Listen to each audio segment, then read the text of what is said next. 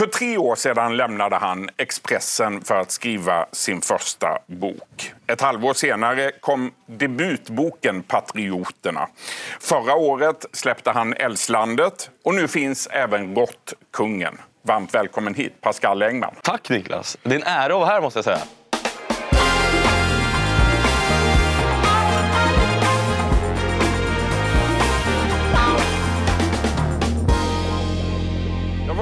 Kul att ha dig tillbaka i huset. Ja. Hur känns det att vara här på Görvelsgatan 30? Ja, men det är ju väldigt speciellt att komma in på en redaktion med nyhetspuls. Man får ju förhöjd puls själv nästan. Eh, man blir ja, glad, väldigt glad. Har du saknat det här? Ja, men det är klart. Saknat dig, saknat hela redaktionen. Ja, det är klart. Ah, kul att höra. Du, vi börjar från början, Pascal. Du föddes i Stockholm 1986 med en chilensk pappa, en svensk mamma. Hur skulle du beskriva din uppväxt? Eh, som väldigt bra. Ehm, jag växte upp då i Lappkärrsberget bredvid universitetet här i Stockholm. Ehm, och, eh, nej men, mamma utbildade sig till socionom. Eh, pappa jobbade som städare först. Han hade massa olika städjobb och jobbade inom hemtjänsten. Och sen startade han en restaurang, en pizzeria där i närheten som heter Professorn. Eh, och nu har de faktiskt flyttat tillbaka till området bredvid, Ekhagen. Så jag är där ofta och går runt. Och man slås ju av hur mycket mindre den världen är nu än vad den var när man växte upp. Då var det hela världen. Då var det hela världen. Du, 1991 då härjade lasermannen John Ausonius i Stockholm. Du var fem år gammal och du har sagt att du drömde mardrömmar om John Ausonius. Att han skulle döda din pappa. Vad minns du av den tiden idag? Ja, men jag minns att det var, jag var väldigt rädd. Eh, det var ju väldigt svårbegripligt för en liksom, femåring eller fyraåring eller vad jag var då, att förstå att eh, min pappa var någon sorts måltavla för att han var invandrare. För mig var han ju bara min pappa. Eh, men så jag minns att men jag var rädd. Vilken skräck! Ja, men det var en alltså, stor skräck. Och den, nu ska vi prata om Patrioterna senare antar jag, men jag antar eller den, jag byggde en av karaktärerna mycket på Lasermannen och Lasermannens liksom, John Ausonius då, historia. Eh, sen visade det sig, det är lite nästan makabert, men när jag köpte min första lägenhet i Stockholm så visade det sig att han, eh, John Ausonius då, hade bott i den upplyste en av grannarna mig om eh, när jag höll på att flytta upp min säng. Nämen. Så sa hon att du, du vet att du köper Lasermannens gamla lägenhet nu. Så han har på något sätt förföljt mig genom livet dessutom. Hur kändes det att komma in i lägenheten första gången med den vetskapen?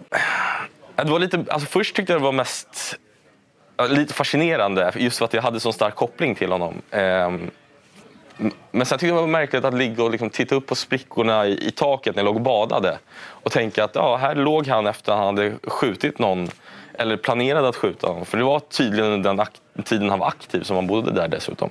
Vilka Aktiv märkliga tillfälligheter. Otroligt. Eh, Du, under tonåren sen, då valde du att tågluffa ensam i Östeuropa. Och det slutade med att du blev rånad någonstans mellan Bulgarien och Rumänien. Vad minns du av den händelsen då? Ja, men jag, ville väl, jag skulle hitta mig själv, tänkte jag. Så jag, jag tänkte ge mig ut och tågluffa. Jag hade gjort det året innan med en kompis, men nu vill jag göra det själv. Jag ska hälsa på någon Med, i Bulgarien som var i Sunny Beach. Så jag åkte tåg genom liksom, ja, hela Europa eh, för att komma dit. Den personen skulle bara vara där några dagar. Och sen när jag kom till Bukarest då, i Rumänien så var det en stor strejk över hela, eh, i hela stan. Ehm, och tågen hade slutat gå, så jag, jag var tvungen att gå av tåget. Eh, och då kom det fram en man och sa att han eh, var taxichaufför. Och att han kunde köra mig eh, till nästa tågstation, eller till en annan tågstation. Och godtrogen, naiv som jag är, så tänkte jag men det låter väl bra. Så vi går ut där och sen hoppar vi in i en bil. Och sen 200 meter senare så hoppar in en till kille i bilen där fram. Och jag tänkte inte mer på det, för i Chile, eh, som vi pratade om innan, där kör man ofta taxi kollektivt. Så jag tänkte att det här var något liknande. Men så gick liksom, ja, det var jättetrevliga de här killarna. De berättade om Ceausescus palats som vi körde förbi och här, tittade på. Och berättade om Rumänien. Sen körde vi längre och längre ut på landsbygden eh, mot liksom... Eh, någon- Det var en lång resa. Det var en väldigt lång resa. Efter en timme så började jag tänka att det här var inte så bra. Och sen sa de, ja, men nu kan du ta ut pengar. Så stannade vi i en bankomat och så tog jag ut, jag kommer inte ihåg exakt vad det var, men jag tror att det var ungefär 3000 svenska kronor. Men jag, lite smart var jag, för jag gömde en del av pengarna när de inte såg i liksom, strumpan. Vi stannade bredvid en liten gammal boskapsvagn mitt ute på vischan och så sa de ah, här är tågstationen.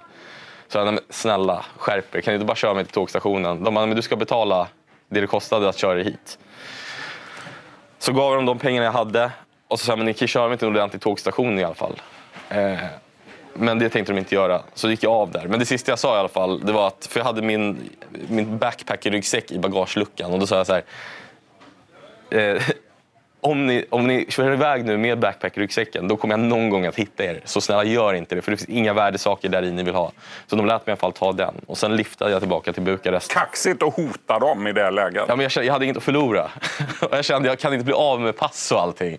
Så jag fick bära eller brista helt enkelt. Du skulle åka dit för att hitta dig själv. Vem hittade du? En, en, en, förvirrad tonåring som var godtrogen och naiv. Men det blev en läxa i, i, i livet i alla fall. Såklart.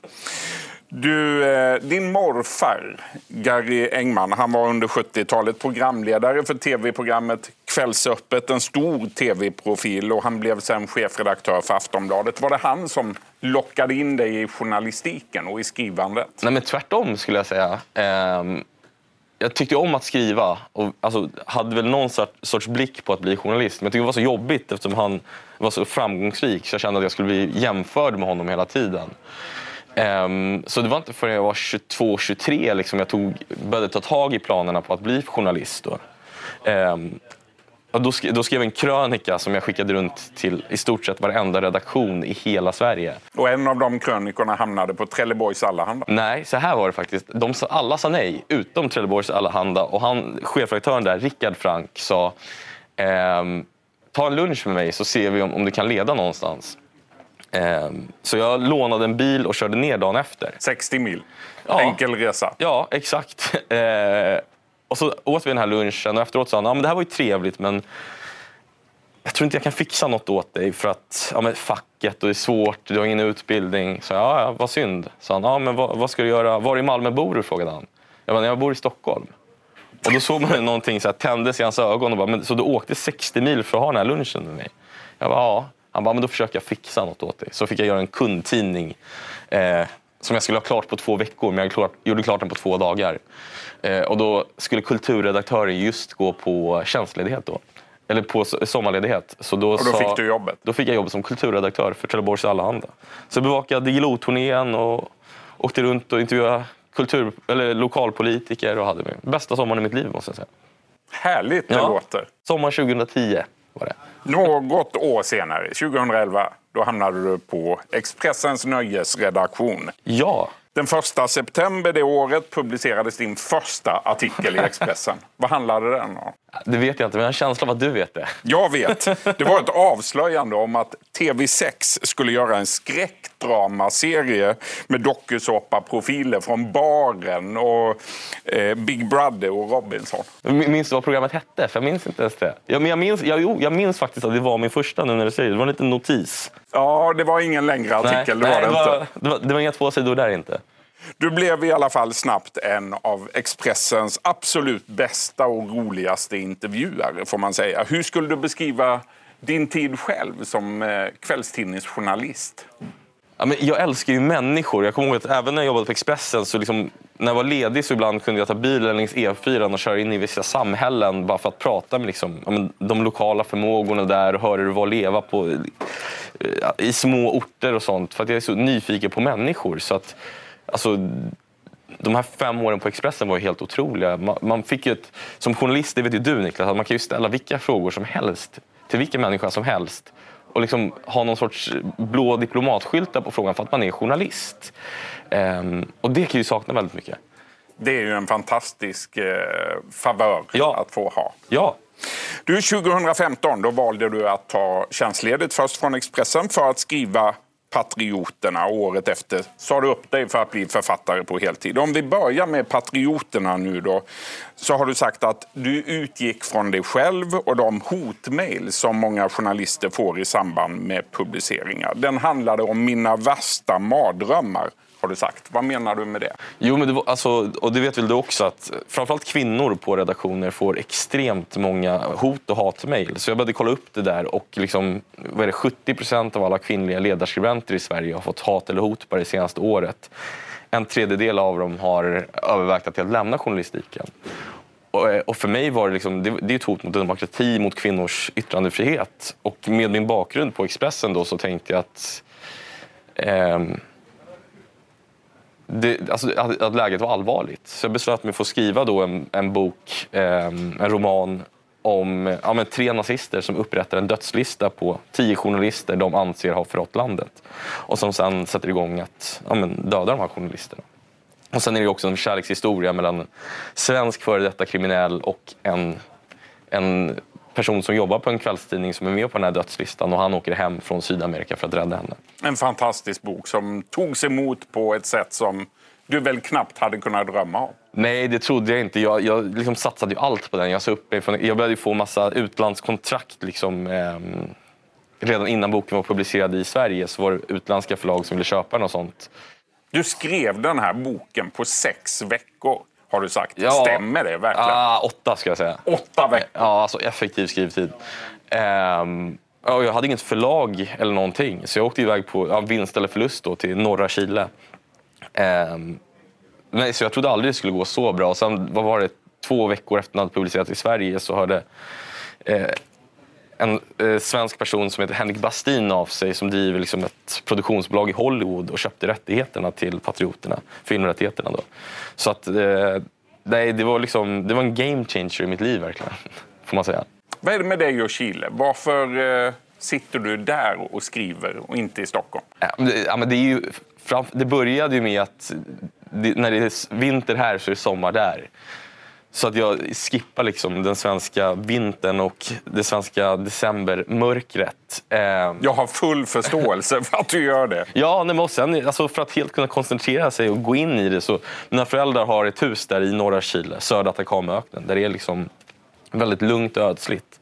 Och väldigt gott vin. Så det är perfekt för att sitta där och, och skriva hela dagarna. Liksom om ett par dagar åker du dit igen, eller om någon vecka. Ja. Eh, vi ska återkomma till det, men först eh, går vi vidare till den andra boken. Eh, förra året kom Älvslandet, en bok om eh, polisinspektören Vanessa Frank som vi nu får följa i en trilogi och om en tysk nazistkoloni i södra Chile. Och så handlar den om organhandel. Varför då? Ja, men så här, alltså den här tyska kolonin den existerade ju. Efter andra världskriget så flydde det ju massa eh, nazister till Sydamerika, eh, hela Sydamerika. Men det fanns redan väldigt många tyskar i södra Chile som hade kommit dit i slutet på 1800-talet. Eh, men den här ja, den tyska immigrationen till, till, in till Chile fortsatte. Och 1961 så flydde en man dit som hette Paul Schäfer som var efterlyst i hela, liksom, i hela Europa för han var en känd pedofil. Och gammal eh, eh krigsveteran dessutom.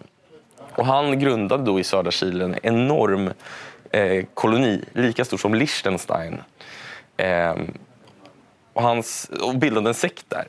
Och så började man upprätta eh, skolor och sjukhus som man erbjöd eh, och så erbjöd man fattar chilenska familjer att sätta sina barn eh, i skolorna. Men det var ju liksom en täckmantel för att, för att eh, ja, utnyttja dem sexuellt och så. Eh, och många av de här eh, sektmedlemmarna var gamla tyska nazister då. Ehm, och i och med militärkuppen då i Chile 1973 så insåg militärjuntan att här har vi experter på tortyr.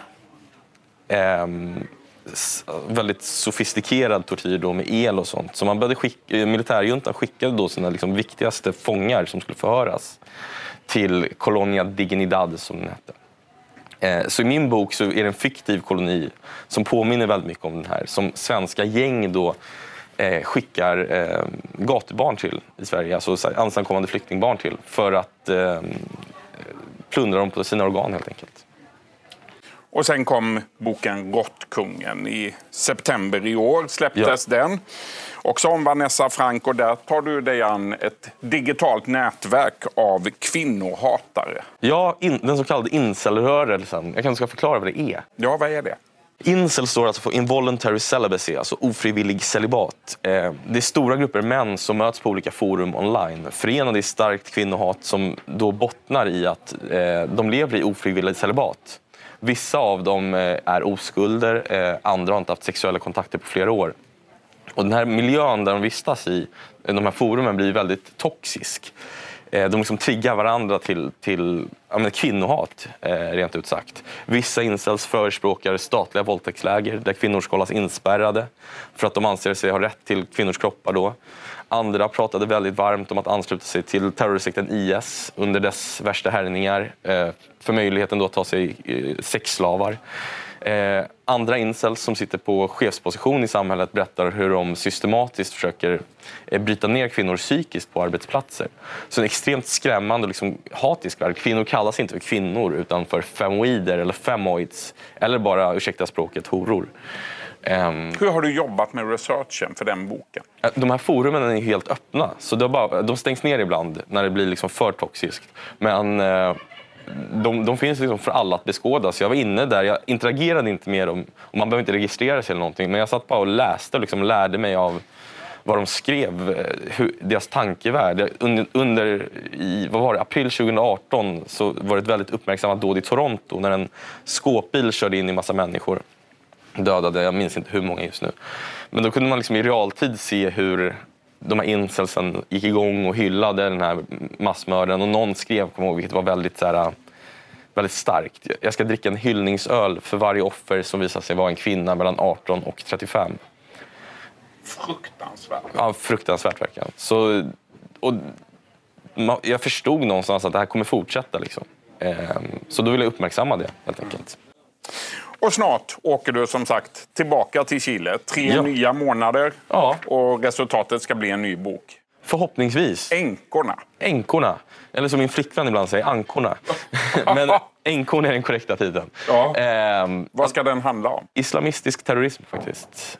Så, men jag, jag, har inget, jag sitter med synopsisen nu så jag vet inte exakt hur jag ska lägga upp det. Men det ska bli... Känns som ett högaktuellt ämne. Ja, verkligen. Jag försöker, just eftersom jag är gammal journalist så vill jag hålla det hyfsat aktuellt. Liksom. Mm.